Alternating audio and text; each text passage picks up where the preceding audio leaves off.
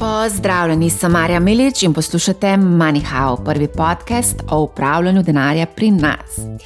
Pomladni meseci praviloma veljajo za vrhunec prodaje novih vozil, letos so razmere precej drugačne, kot so bile pred leti, predvsem zaradi pomankanja novih vozil. Posledično pa je tudi opaziti precejšno rast cen rabljenih vozil. Zaradi zahtev EU po znižanju oglikovega dioksida pa vse več proizvajalcev prioritetno tudi izdeluje elektrificirana vozila z manjšim ogličnim odtisom. O tem, kaj se dogaja na trgu avtomobilov, se bom pogovarjala s Slavkom Ažmanom, ki je vodjo oddelka poslovnega upravljanja pri Porsche Slovenija.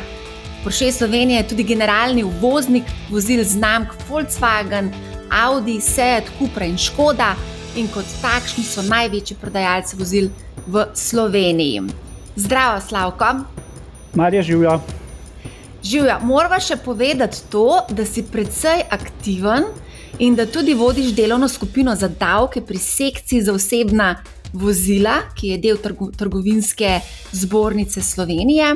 In si tudi soavtor državne strategije za področje alternativnih goriv v prometu, aktiven si pa tudi v zavodu CER, ki si prizadeva za trajnostno gospodarstvo in v okviru tega tudi za trajnostno mobilnost. Kako pa kaj spanje ob vseh teh aktivnostih, ki jih imaš, je kaj časa za počitek? A, brez skrbi, brez skrbi, seveda tudi to. Ampak je pa to nekaj, s čimer se res že kar nekaj časa intenzivno ukvarjam in pa je nažalost tudi nekaj, kar je. Tek na dolge proge, nažalost, ni kakšnih zelo velikih napredkov. Za vsako stvar se je, kot verjetno na še na kakšnem drugem področju se je treba pač enostavno potruditi, ustrajati, prepričevati. Tako da sploh na teh področjih, ki so mogoče nekoliko novejša, ki jih še toliko ne poznamo, jih, na katere še nismo navajeni, tam je tega prepričevanja in pa teka na dolge proge kar precej. To pa kar verjamem. Je pa to zelo aktualna tematika, vedno davki so vedno aktualni, po eni strani, po drugi strani pa tudi ta zelen prehod, o tem se vse več govori. Zelo veliko se govori o tudi uh, električnih vozilih, zelo veliko se omenja tudi Teslo, ona v vseh možnih kontekstih z, njihovim, z njegovim las, lastnikom Elonom Muskom, o katerem smo kar precej zadnje čase brali. Predlagam, da greva kar na aktualno temo in sicer pretrgane dobavne verige povzročajo precej preglavic tudi avtomobilski industriji in potrošniki imajo kar precej težav pri nakupu novih avtomobilov. Kako je danes s tem, koliko časa se čaka na nov avtomobil in mogoče, če mogoče veš, pri katerih znamkah je največji problem, če lahko temu tako rečem. Ja, Marja si kar zadela ta pravi problem. Eh, trenutno se, eh, mislim, da kar vse znamke več ali manj ukvarjamo z, oziroma soočamo s podobnimi problemi. Mogoče so tukaj malenkost na boljše azijske znamke, sicer pa so praktično vse, sploh evropske in pa tudi ameriške znamke, eh, imajo precejšnje probleme v preteklosti, kot je bilo precej. Kot je bilo znano, je bilo predvsej problemov z dobavljivostjo čipov, sedaj se skupaj v povezavi z zadnjimi dogodki z vojno v Ukrajini se pojavljajo nova oska grla, predvsem pri, pri teh električnih avtomobilih, na katere tudi vsi proizvajalci, predvsem res največ stavimo. Prav pri njih eh, je bilo nekaj zelo pomembnih dobaviteljev tudi v Ukrajini in lahko si predstavljaš, da se tudi to zelo, zelo močno pozna. Tako da trenutno se res kar čaka na eh, določene modele, za nekatere trenutno obljubljamo 8-mesečni dobavni rok, s tem, da niti pri tem nismo zelo sigurni, da bomo lahko držali besedo. So potrošniki potrpežljivi, čakajo 8 mesecev, v glavnem, ja, v glavnem ja, ker eh, so res. Eh, nimajo druge izbire, no, sej mogoče pri tem se lahko spomnimo tudi kakšnih drugih časov, ko so bili potrošniki pripravljeni čakati v vrsti za vozilo, ki bo enkrat prišlo. Mogoče ravno zadnjič no, sem na YouTubu si še enkrat pogledal en star sovjetski vic, ki ga je povedal predsednik ZDA gospod Regan, verjetno se ga starejši poslušalci še spomnijo. Na ta gospod je takrat uh, razložil, uh, zgodbo enega Moskovčana, ki je dobil prejoje klic. Vprašal so ga, gospod, oziroma tovariš, ste vi pred desetimi leti naročili vozilo? Gospod je bil, oziroma tovariš je bil nekoliko presenečen, ampak jaz, seveda, rekel: Ja, jaz sem tisti, ki sem naročil to vozilo. Tako da so ga obvestili, da lahko pride, lahko pride plačati. Vzel je vrečko rublov, odnesel to v prodajalno, potem mu je pa prodajalec rekel: Super, sedaj smo tole uredila, čez deset let pa lahko pridete še po vozilo. Na kar ga je tovariš vprašal, ja, pa, a naj pridem do povdan ali popovdan. Tako da mislim, da smo v zelo podobni situaciji. Vprašal ga je pa, ali naj pride do povdan ali popovdan, zaradi tega, ker je imel za popovdan že napovedanega vodovodarja. Tako da mislim, da smo zelo, zelo podobni situaciji sedaj. Vrhunska fora. No, vse tudi v Jugoslaviji smo nekaj podobnega imeli, ko smo imeli omejeno ponudbo, ne? pa se je tudi kar čakal na določen, določeno znamko zelo dolgo časa. To te moramo vprašati, sicer ne vem, koliko lahko komentiraš. In sicer prebrala sem, da nekateri proizvajalci so začasno ustavili izdelavo nekaterih modelov, menda da so celo nekatere modele umaknili iz cenikov. A to drži? Če lahko karkoli poveš na to temo. Ja, seveda, kot omenjeno, pač, vsi smo v dilemi, ali obljubimo neko vozilo, da bo prišlo čez 8 mesecev, s tem, da se zavedamo, da je ta naša obljuba uh, ni odvisna samo od nas, ampak od tisoč drugih dejavnikov, da napovedi niso dobre. Tako da, predvsem za kakšne nišne modele, se posamezni uh, uvozniki potem res vprašajo, ali ima še smisel ustrajati oziroma ponujati nekaj, za čemer ne moremo stati. Tako da, v posameznih primerjih se tudi to zgodi, sicer pa seveda naredimo vse, kar je v naši moči, da ta vozila seveda tudi dobimo. Zdaj si že dvakrat omenil 8 mesecev, zdaj pa res te moram mal izvati tukaj. Zaradi tega, ker sem prebrala v sporočilu za javnost ob odprtju Tesle, gigatovarne v Berlinu, kjer so zapisali, da na njihovo vozilo potrebno čakati le dober mesec dni. Ja, me, me zanima, me zanima, kakšen bo ta dobavni rok potem v praksi. Tako da tukaj bi bil vseeno mal, mal skeptičen, ampak ja, tukaj gre vseeno za enkrat, če pri Teslah za precej drugačne, drugačne dimenzije. Tukaj so seveda raztoče podjetje, prodajajo se več avtomobilov, vendar pa. Če pogledamo celotno prodajo avtomobilov na svetu, še vedno ne igrajo pač take vloge, kot pa si verjetno tudi sami želijo dejansko so to igrali sploh na področju elektrifikacije, eh, so spodbudili precejšen. Eh, precejšen razvoj tudi pri vseh ostalih uh, tradicionalnih proizvajalcih, uh, nišče jih več ne jemlje več uh, podrazno, ampak uh, se zelo, zelo uh, natančno preučuje tudi njihove poslovne modele in, uh, in podobno. Tako da so zagotovo pač uh, igralec na trgu, s katerim bo treba uh, še resno računati. Uh, seveda pa bi mogoče malo podvomil to, da ko bo šlo za večje količine, da bo to v vsakem primeru tudi možno izpolniti. Ko govorimo o teh številkah. So to številke relativno majhne, se pravi, govorimo, lani je Tesla, so prodali milijon avtomobilov, zdaj, če gledava pa cel svet, je to verjetno le kapljica v morju, bom tako rekla. Uh, mogoče veš, kakšne so številke, uh, koliko je bilo prodanih električnih vozil v lanskem letu, ali pa globalno, ali pa v Evropi, ali pa ne vem, kakršne koli podatke, če imaš mogoče na voljo. Moram priznati, da bolj spremljam res Evropo.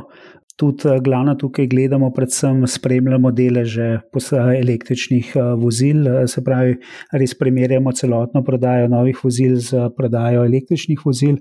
Tako da v lanskem letu je ta delež kar krepko zrasel v Evropi, tako da smo bili nekje na devetih odstotkih pri res teh pravih baterijskih električnih vozilih, poleg tega je bilo pa še skoraj 20 odstotkov pri ključnih hibridov. To so pa pač ta vozila, ki imajo poleg, poleg baterijstva oziroma električnega motorja še benzinski, benzinski motor, praviloma. Tako da teh je bilo vse skupaj res skoraj 30 odstotkov. Če to primerjamo z Slovenijo, tukaj smo pa resnično precej, precej na repu držav EU.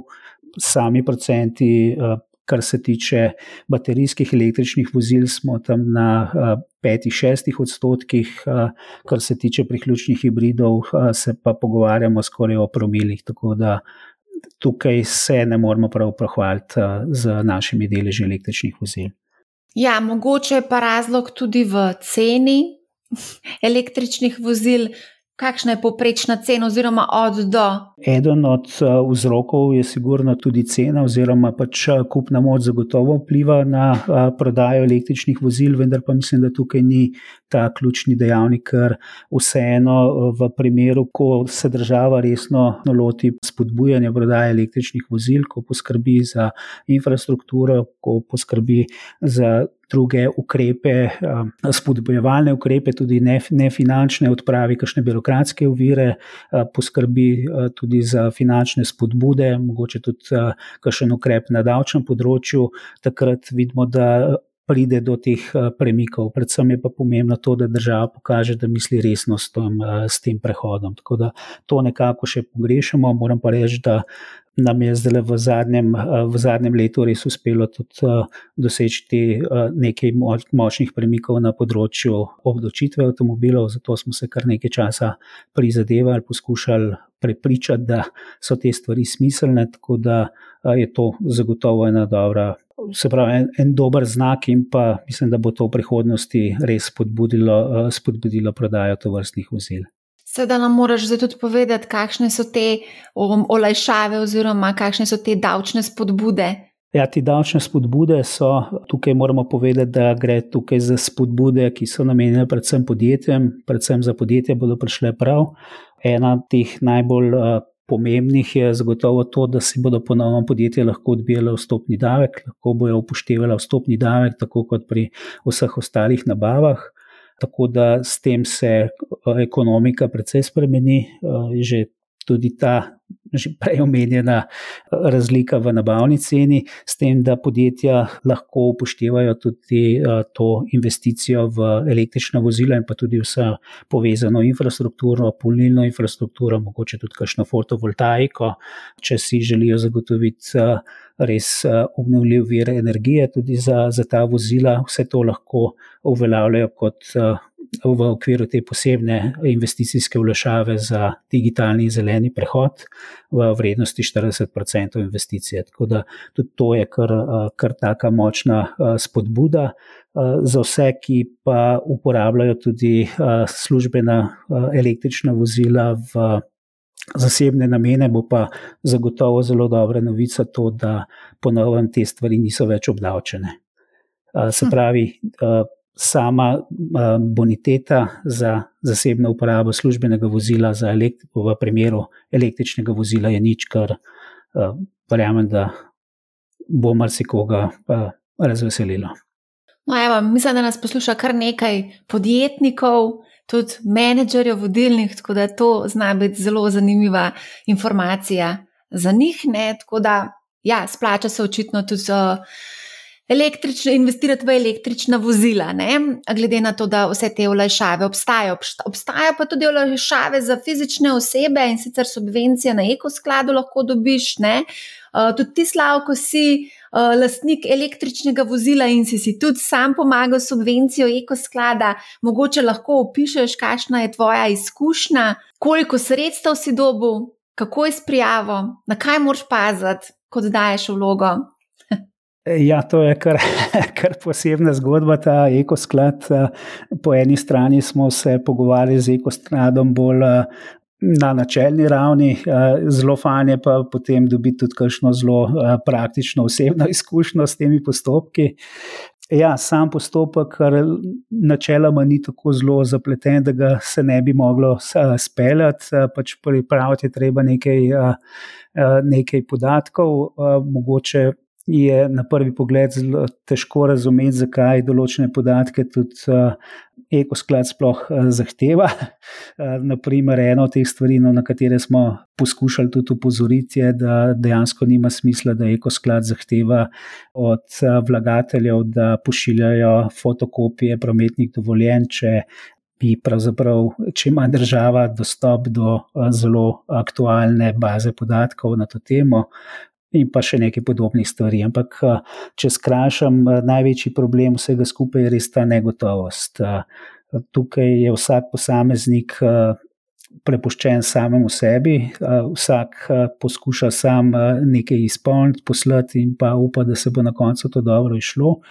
Največji problem je pa dejansko to, da v času nakupa ne moremo vedeti, ali bomo to subvencijo tudi prejeli. Tako da v mojem primeru sem bil deležen še tiste prve, večje, ker sem se pač odločil na, bolj na začetku, večje subvencije v višini 7500 evrov potem se je pa nekega petka popovdne.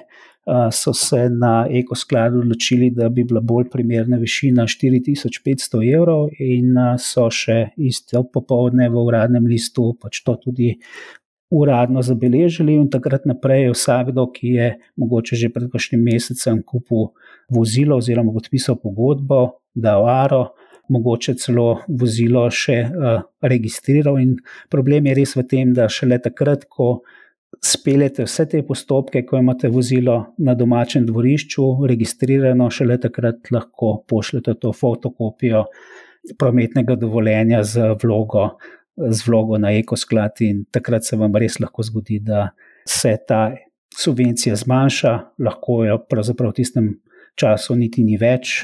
To je pravzaprav največja zadrega pri spodbujanju električne mobilnosti po slovensko. Mogoče je prav, da poveva tudi, kaj zdaj le velja. Ne, teh 7500 evrov, s katerim sem se sam hvalil, to ne velja več. Trenutno velja subvencija v višini 4500 evrov. Prav tako pa mogoče smiselno tudi razmisliti o nakupu testnega vozila. V primeru, da se kupi testno vozilo, je pa te subvencije 3500 evrov. Je pa tudi verjetno cenejši avto, če vzameš tesno vozilo. Seveda, seveda. Pač to, to so vozila, ki, a, ki so namenjene temu, da jih lahko, lahko preizkusimo. A, dejansko je prav zaradi te spremembe, oziroma a, toliko drugačne tehnike, a, je seveda normalno, da poskušamo najprej, moramo dobro dobro preizkusiti vozila, da vidimo, če nam to ustreza, preden se odločimo za dokončen nakup. Tako da temu so namenjena ta testna vozila. Na koncu uporabe, praviloma po pol leta, so pa na voljo naslednjim kupcem. So to praktično res malo rabljena, praktično nova vozila. Tako da je tudi to ena od, od opcij, na katero velja pomisliti pol leta, ravno zaradi tega, zaradi nekega določila v, v razpisu ekosklada, pač pogoj ekosklada za to, da kupec lahko dobi subvencijo, je, da je bilo vozilo v uporabi maksimalno pol leta in da je največ devet mesecev od prve registracije. Kolikor preteče od prve registracije. En dan več od devetih mesecev, končni kupec ne dobi več subvencije, kar je tudi uh, mogoče težko razumljivo določilo, ampak tako, tako, je, tako so veljavna pravila. Ja, koliko pa je teh testnih vozil na razpolago? Jaz si predstavljam, da to ni neka velika številka. Ni neka velika številka, ampak od vsakega modela je pač pri vsakem od trgovcev. Trgovcev je kar nekaj, tako da to je par sto avtomobilov v vsakem trenutku, absolutno na voljo za, tudi v, v tej obliki. Um, Sam še to te moram vprašati. Zdaj, jaz moram iskreno priznati, da nisem vedela, da lahko dobiš testno vozilo. Uh, Koliko cenaj pa je, recimo, tako testno vozilo potem v procentu, recimo 10-15 odstotkov cenejše od novega avtomobila? Tam, ne, tam nek bi rekel. Ja. Aha, aha. Ok, zanimivo. Um, ja, še to smo pozabili povedati. Ne? Kakšne so cene električnih uh, avtomobilov? Od do, recimo od do. Ja, pač, eh, pri nas se eh, začnejo nekje pri 30 tisoč evrih, eh, grejo pa, glede na to, da imamo v naši ponudbi tudi precej prestižna vozila, se pač pre, so določene, določene vozila tudi preko tistih 80 tisoč evrov, kar uh, velja kot uh, neka meja za možnost uveljavljanja stopnega davka. Tako da imamo pač tudi uh, vozila, ki so draže od tega, ampak seveda poskušamo, oziroma največ uh, vozil, ki jih prodamo, je pa nekje tam v rangu nekje do 40 tisoč evrov, recimo 40 do 50 tisoč evrov. Tako da dejansko so nekoliko dražja od.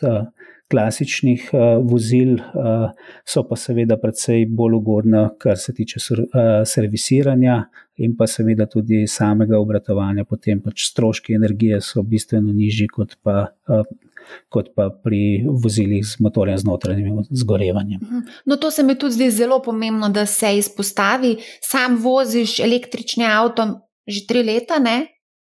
Ja, nekaj takega. Ja. Kakšna je vožnja z električnim avtom, mogoče če lahko poveš, pa če tudi poveš, lahko te stroške malce bolj podrobno omenil, da, da je bolj ugoden servis, pa mogoče tudi ta primerjava goriva oziroma energetska poraba elektrika. Ne?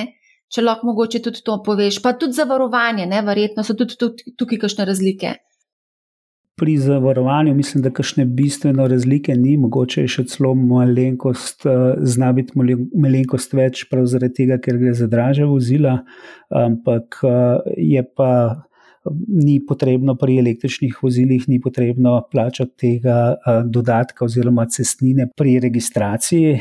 To, kar, kar plačujemo v registraciji, to sicer zgleda kot en, en od teh državnih spodbud, se je pa zgodil pravzaprav bolj po nesreči kot z namenom. Dejansko je ta cestnina vezana na prostornino motorja in ker pri električnih vozilih tega podatka ni v ni v bazi, so seveda tudi uh, se ne obračuna ta dejatev. Zanimivo. Um, je pa recimo poraba. Poraba je tudi uh, mogoče malo odvisna res od uh, velikosti uh, vozila, pač te manjši porabijo tam nekje res v realnosti kakšnih 16 kW na, uh, na 100 km. Tako da, uh, če se pogovarjamo o tem v uh, mogoče bolj uh, plastično, če povem, nekako poraba je tam okrog 2 evra, recimo 2-3 evre na 100 km, kar je v primerjavi z eh, benzinskim eh, ali pa dizelskim eh, vozilom, sploh v zdajšnjih časih. Bistveno manj je pa seveda odvisno od tega, na kakšen način se polni, kdaj se polni. Najbolj ugodno, verjetno, je trenutno domačo polnjenje, je še nekaj možnosti tudi za kakšno brezplačno polnjenje, kje eh, tiste hitre polnilnice eh, so pa nekoliko dražje. Tam je cena kakšnih 38 centov, mislim, da na, na avtocestnem križu, na teh hitrih polnilnicah eh, še. Nekoliko hitrejše polnilnice, tam, se, tam je pa cena že kakšnih 80, evrov, a, 80 centov, tam se pa cena energenta mogoče že kar mal približa gorivu, ampak to je dejansko eh, zelo pomembno, da, da vemo, da se to uporablja, pravzaprav te hitre polnilnice, res bolj takrat, ko potujemo za kakšne daljše razdalje. Eh, to ni običajen način polnjenja. Večino teh eh, polnjenj se dogaja doma ali v službi. Moram priznati, da sem pa tudi seveda pogledala, kaj se dogaja na borzi s ceno nafte, Brent. Ta je res poskočila iz predkoronskih 60 na 100 evrov za soček nafte. Se je pa tudi elektrika podražila iz predkoronskih 40 na zdajšnjih 180 evrov za kilovatno uro.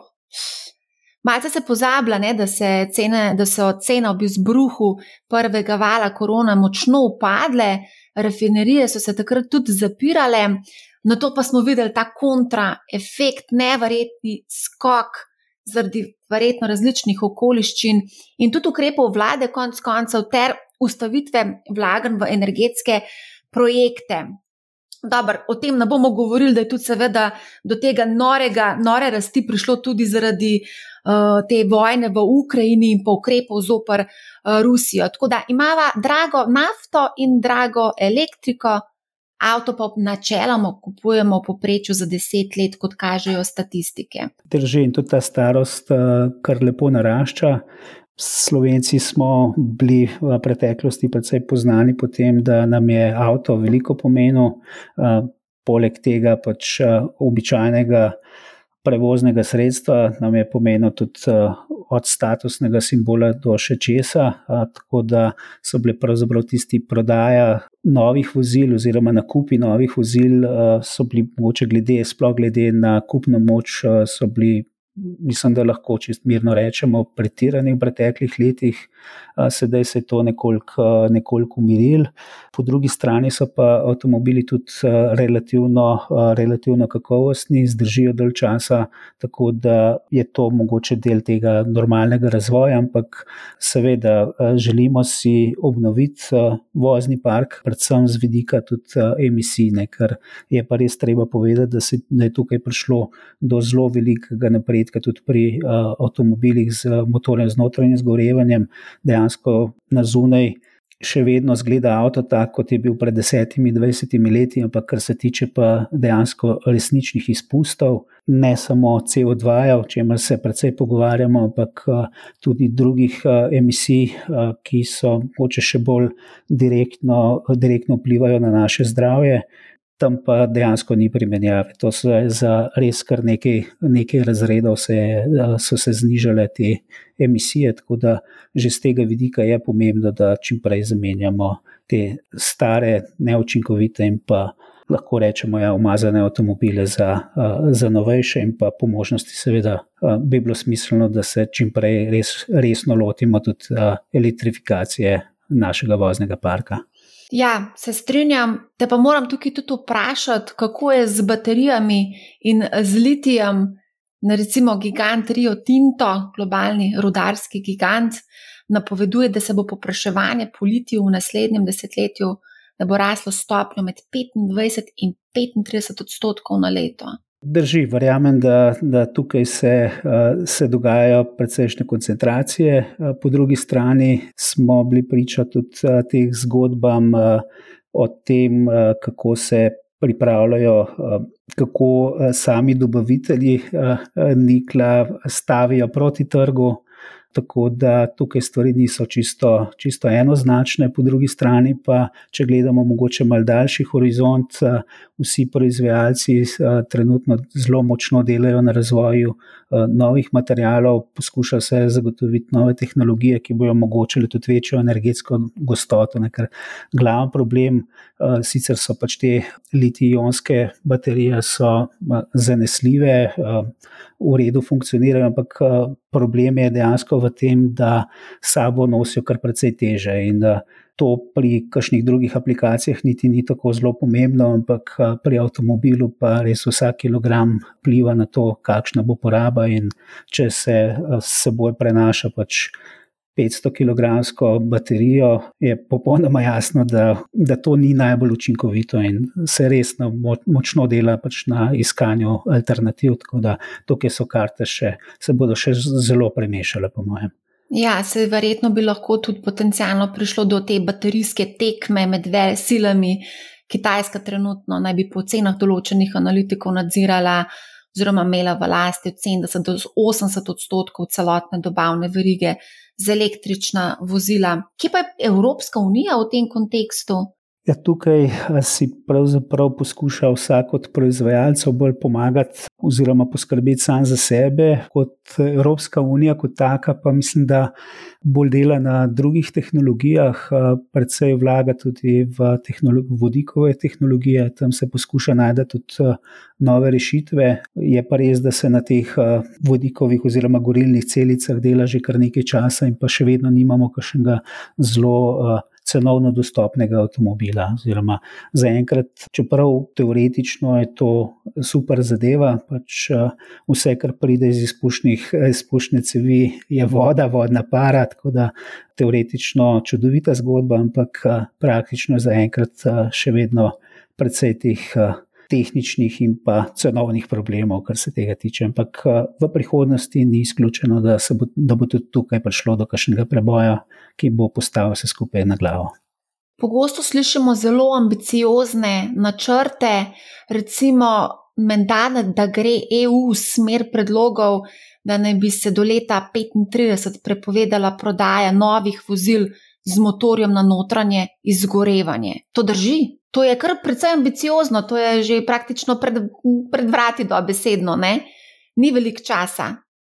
Ne, časa, časa sploh ni veliko, zdaj pač govori se o takih variantah, ampak zelo težko si predstavljam, da bi, bi lahko ta zeleni prehod dosegli z dekreti. To dejansko ne gre z nasilo in z, z zakonodajo se sicer da nekako spodbujati, tudi prisiliti koga, mu mogoče malo pomagati, eh, kar se tiče proizvajalcev, eh, da se z malo večjim veseljem lotijo eh, kakšnih novih tehnologij, ampak samo s tem, da se odločimo, da od takrat naprej bomo pa se vozili samo na elektriko, to dejansko ne gre. Pač vidimo, da potrebno je pač ustvariti pogoje za to, da, bo, da bomo lahko ta vozila uporabljali. Dejansko je potrebno dovolj ponudbe. Trenutno v Sloveniji prodamo kašnih, uh, samo pač eh, nekaj odstotkov vseh vozil, uh, v primeru, da bi želeli prodati uh, oziroma pač.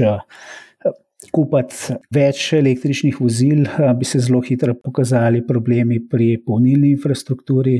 Vse to, kar je zdaj nekako malenko skrito, bo zelo hitro prišlo na dan. In vse, kar je bilo zamujeno v preteklih, zdaj lahko rečemo v preteklem desetletju, že račun, račun nažalost, prihaja. Ne? In je zelo podobno kot pri obrestno-obrestnem računu, ki ga ti že večkrat v tvojem podkastu omenjaš. Tudi tukaj je to, kar smo zamudili pred desetimi leti, zelo, zelo težko ali pa saj drago nadoknaditi potem v, v naslednjih letih. Ker vsak avto, ki smo ga kupili pred parimi leti, bo še naslednjih 10-20 let ustvarjal uh, emisije in uh, ni vseeno, kakšen ta avto je. Ko omenjaš ne, vse skupaj, pomembna je tudi konec koncev tudi infrastruktura. Za električna vozila, to je lahko super donosen posel za tiste, ki se pravočasno lotijo.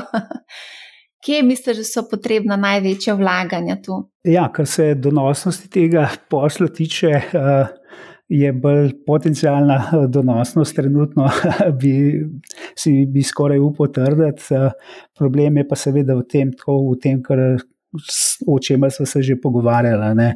Računamo res, da bo večina teh polnjen se bo dogajala doma ali po službi, vse ostalo bo pa nekako bolj za vsak slučaj, oziroma za kakšno do, dodatno polnjenje, in tako naprej, ne bo pa to glaven vir polnjenja.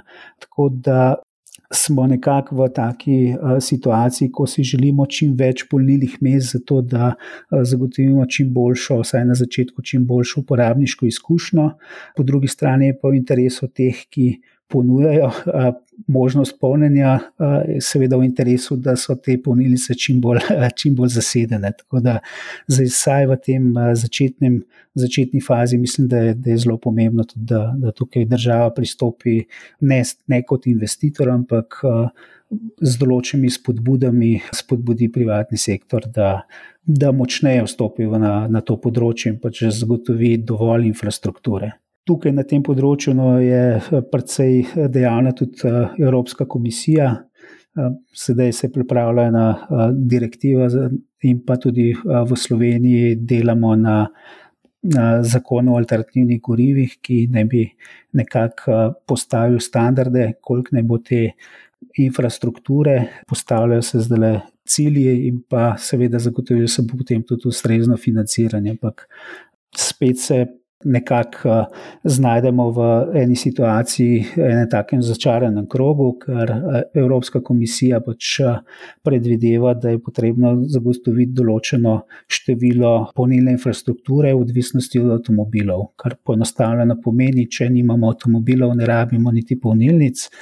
In uh, nekako si poskušamo uh, sedaj no, prepričati tudi uh, našo ministrstvo za infrastrukturo in še koga, da a, to ni pravi pristop in da pač a, moramo se zadeve lotiti malo bolj ambiciozno. In kljub temu, da še ni veliko električnih vozil, je zelo pomembno, da je pripravljena infrastruktura na tisti preboj, ki ga vsi še čakamo.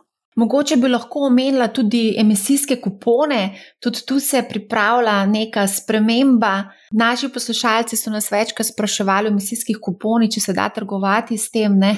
Tako da mogoče bi povsem da tudi povedali o emisijskih kuponih. Absolutno. Tudi, uh, ti emisijski kuponi ne, uh, so pravzaprav en način, uh, način za doseganje zmanjševanja emisij. Ne, uh, glavni namen je pravzaprav to, da vsako leto se število teh uh, kuponov zmanjša, kar povzroča rast cen kuponov. Na ta način uh, bi mogoče res lahko rekli vašim poslušalcem, zagotovljena je rast cene, ampak ne verjamem pa, da je to dobra investicija.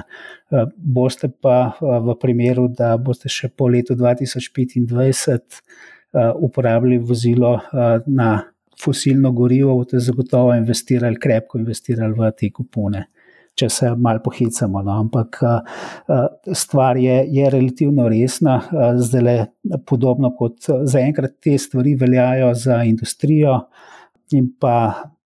Za te večje, večje onesnaževalce, oni so pač prisiljeni kupovati relativno drage kupone, ki jih potem prenašajo v svoje cene. Sedaj, po letu 2025, je pa predvideno to tudi za sektor zgradb in pa sektor prometa, kar poenostavljeno pomeni, da pač vsakdo, ki bo v Sloveniji želel prodajati benzinsko ali dizelsko gorivo, bo mogel tudi kupiti ustrezno število teh kuponov, ki ne bodo poceni in verjetno bodo. Poslušalci tvojega podcasta lahko sami uganili, kdo bo, kdo bo plačal v končni fazi te kupone. Seveda se tukaj tudi pol vprašamo, ali je smiselna investicija mogoče v delnice tega podjetja ne? in kaj se lahko zgodi z delnico podjetja, če se vse to zgodi. Tako da ja, bo zanimivo zagotovo spremljati.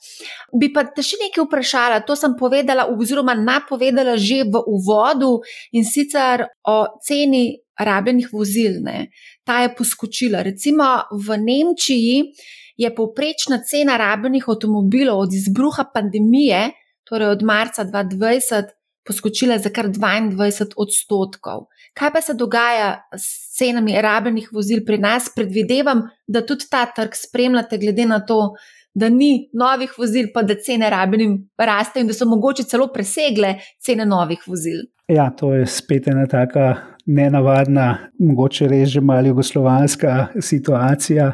Prav zaradi eh, tega pomankanja novih vozil eh, eh, se sedaj to presežno popraševanje prenaša na trg rabljenih vozil in cene rastejo, tako kot si rekla, kar je pravzaprav res nekaj nenavadnega. Sedaj spet poslušamo zgodbe ljudi, ki so kupili avto, ga vozili nekaj časa in, to, in ga na to z dobičkom prodali naprej, kar je bilo še pred enim letom nekaj popolnoma nezaslišanega.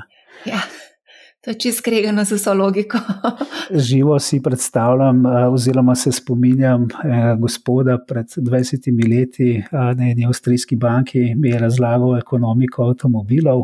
V njegovi pisarni sem bil in sva šla do okna, ker mi je pokazal na parkirišče. Rekel, poglej te avtomobile, a vidiš, kako jim pada cena. Vsak dan, vsako minuto jim pada cena, tole je investicija. Ja. Tukaj, v sedanji situaciji, je, je to dejansko res nekaj zelo, zelo nenavadnega. Da, če imate kakšno avto odveč, je zdaj čas za prodajo. Problem je samo v tem, če ga boste želeli nadomestiti, novega nimamo, rabljen pa tudi ne bo pocen. Ja, se meni da, je zdaj to čisto v trendu, da um, si avto pač sposojaš, oziroma car sharing, oziroma carpooling, vse te opcije so na mizi. Poznam celo nekaj ljudi, ki živijo sicer v središču Ljubljane in so se odpovedali življenju z avtom, torej nimajo avtomobila. In teh je če dalje več. Tudi mladi se mi zdi, to se je tudi sam na začetku omenil, ni več tako, kot je bilo, ni več statusni simbol ali pač. Ja, drži. Navade, pričakovanja se zagotovo spreminjajo.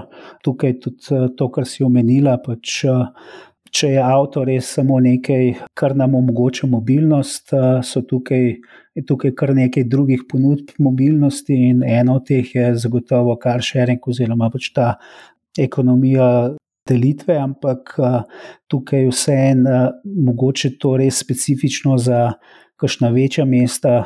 Že Ljubljana je verjetno nekje na meji tega, da bi bila ta zadeva resnično rentabilna, nekje na vas je, glede na, pač na ta poselitveni vzorec v Sloveniji, glede na funkcioniranje javnega prevoza, si pa bi kaj takega zelo, zelo težko zelo težko predstavljalo. Ne? Ampak, kot si rekla, to je eden teh večjih globalnih trendov, v tej smeri bo zagotovo šlo. Eh, nekoliko je pa problem res v tem, sama logika je zelo zanimiva. Pač, eh, res, če pogledamo, avtomobili nam večino časa res stojijo. Ali so stojijo doma, ali stojijo v službi, jemljajo prostor.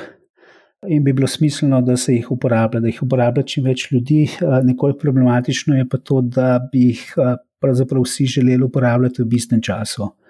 Se pravi, takrat, ko se vozimo v službo, ko se peljemo iz službe. Tako da je vse en eh, nekaj teh praktičnih problemov, tako da zaenkrat, eh, zaenkrat, kakšne velike množičnosti tukaj ne vidimo. No. Saj zaenkrat ne, smo pa seveda tudi eh, prisotni na tem, na tem trgu, imamo ponudbo, razvijamo nove poslovne modele, ampak saj zaenkrat ni to še nekaj, kar bi popolnoma nadomestilo lastništvo vozila. Ravno zdaj me je prešinila ena ideja. Glede na to, da se če dalje več govori, da tudi delodajalci bodo omogočili zaposlenim delo nadaljavo in v nekaterih primerjih celo govorijo o krajšanju delovnikov iz pet na štiri dni, ne? kaj bi to lahko potencialno pomenilo za trg avtomobilov oziroma za to panogo? To bi lahko prineslo kakšne dramatične spremembe, ker načeloma se vozimo v službo in iz službe. Ne? Res je, večino kilometrov naredimo res na, na ta način. Zdaj, če bi v primeru kakšnega krašanja delovnega časa si predstavljal, da bi bilo vseeno več eh, časa na voljo tudi za, za, kakšna, za kakšna potovanja, za prosti čas. Tako da z tega vidika me pravzaprav uh, niti ne skrbi, no, da bi prišlo do kakšnega večjega zmanjšanje povpraševanja po vozilih, eh, se mi pa po drugi strani, z vidika trajnosti, se mi zdi posebno tudi eh, smiselno, pač, da se prodajajo vozila, ki se res tudi eh, uporabljajo. Tako da, če bo prišlo do kakšnega takega trenda, če se bodo ta vozila tudi bolj uporabljala, v končni fazi jih bo treba tudi večkrat, večkrat zamenjati.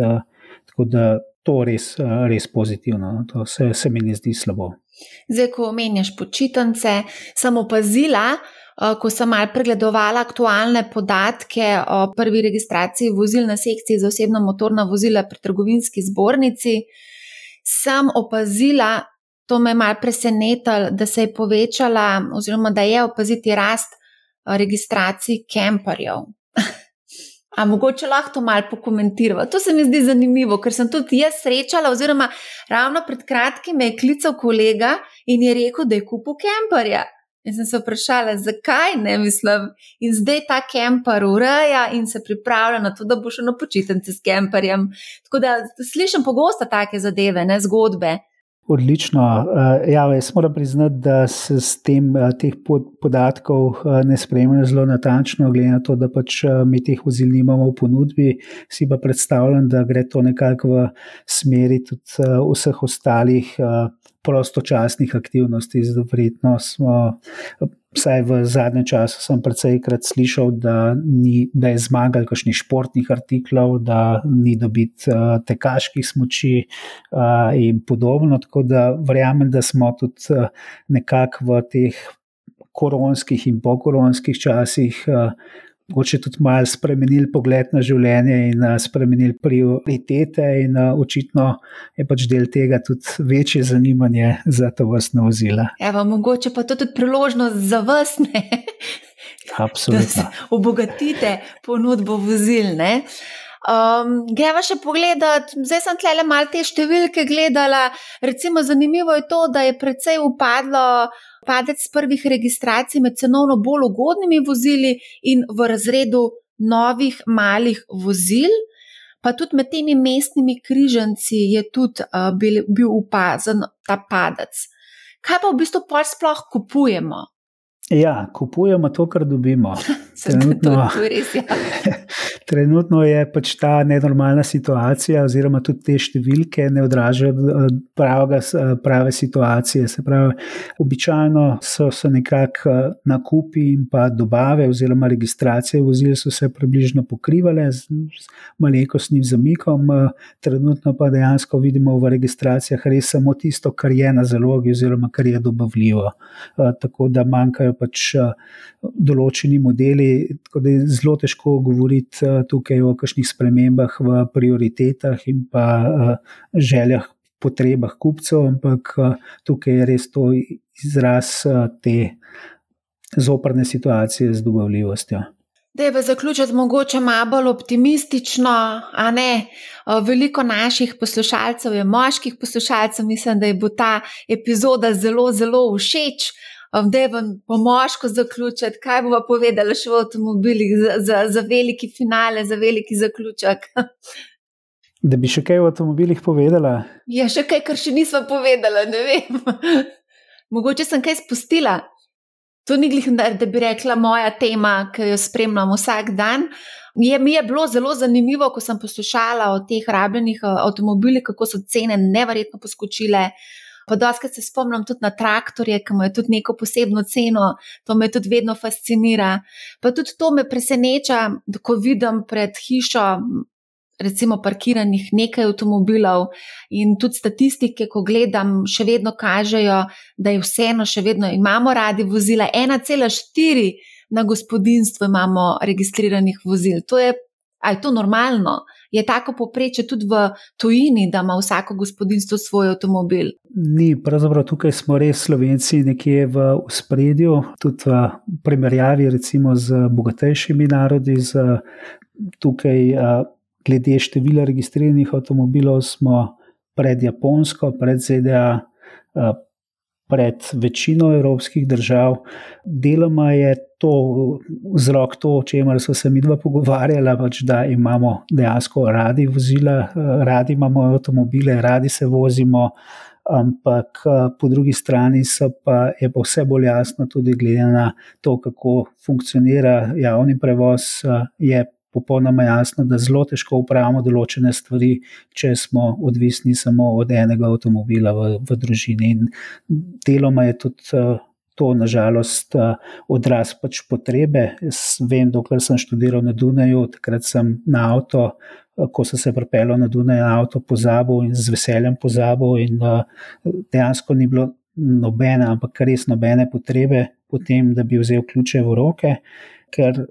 Tam resnično dobro funkcionira javni prevoz, ampak je pa seveda tudi res, da je to bistveno lažje narediti v enem milijonskem mestu, kot pa v eni majhni Sloveniji, kjer, kjer živimo pač v majhnih zaselkih, kjer se gremo policentrični razvoj, kjer nam je pravzaprav tudi to del našega načina življenja, da smo blizu narave, da smo razseljeni. Ampak seveda to potegne za sabo tudi to, da mora biti načini reševanja teh prometnih zagad drugačni. Ne. Dejansko ne moramo se lotiti prevozov z železnico, kot je pač eh, del te državne strategije, kar čisto realno 2% potniških kilometrov se upravita z železnico, in tudi če to potrojimo, zelo težko vplivamo na, eh, na celotne emisije in pa rešujemo pač eh, te prometne zagate. Tako da tukaj mislim, da električni modeli oziroma brezemisijski avtomobili so zagotovo del te uh, rešitve za prihodnost. Mhm, super. Evo, mislim, da je to, to bova kar zaključila o delnicah, ki so seveda potencijalno lahko zanimive, se pravi, delnicah avtomobilskih podjetij, vključno s Teslo in drugimi. To bomo pa obdelali drugič, oziroma že po mojem, da kar v naslednji epizodi, ker tukaj tudi kar precej zanimivih stvari se dogaja. Slavko, hvala za super debato, za res veliko zanimivih informacij, tudi zabavnih informacij si nam dal kar nekaj, pa tudi zelo zanimivih napotkov, zlasti če želimo kupiti električni avtomobil. Tako da iskrena hvala. Ja, hvala, Marja, tudi tebi. Uh, moram reči, da sem velik fan uh, tvojega podcasta. Poslušam Manihau in ni mi žal. O, super, evo, to je pa tudi zaključek. Najlepša hvala. Eh, če boste imeli še kakšno koli vprašanje, mi pišite na marjaafnabusinessspace.com in tako kot je Slavko rekel, poslušajte Manihau, ne bo vam žal.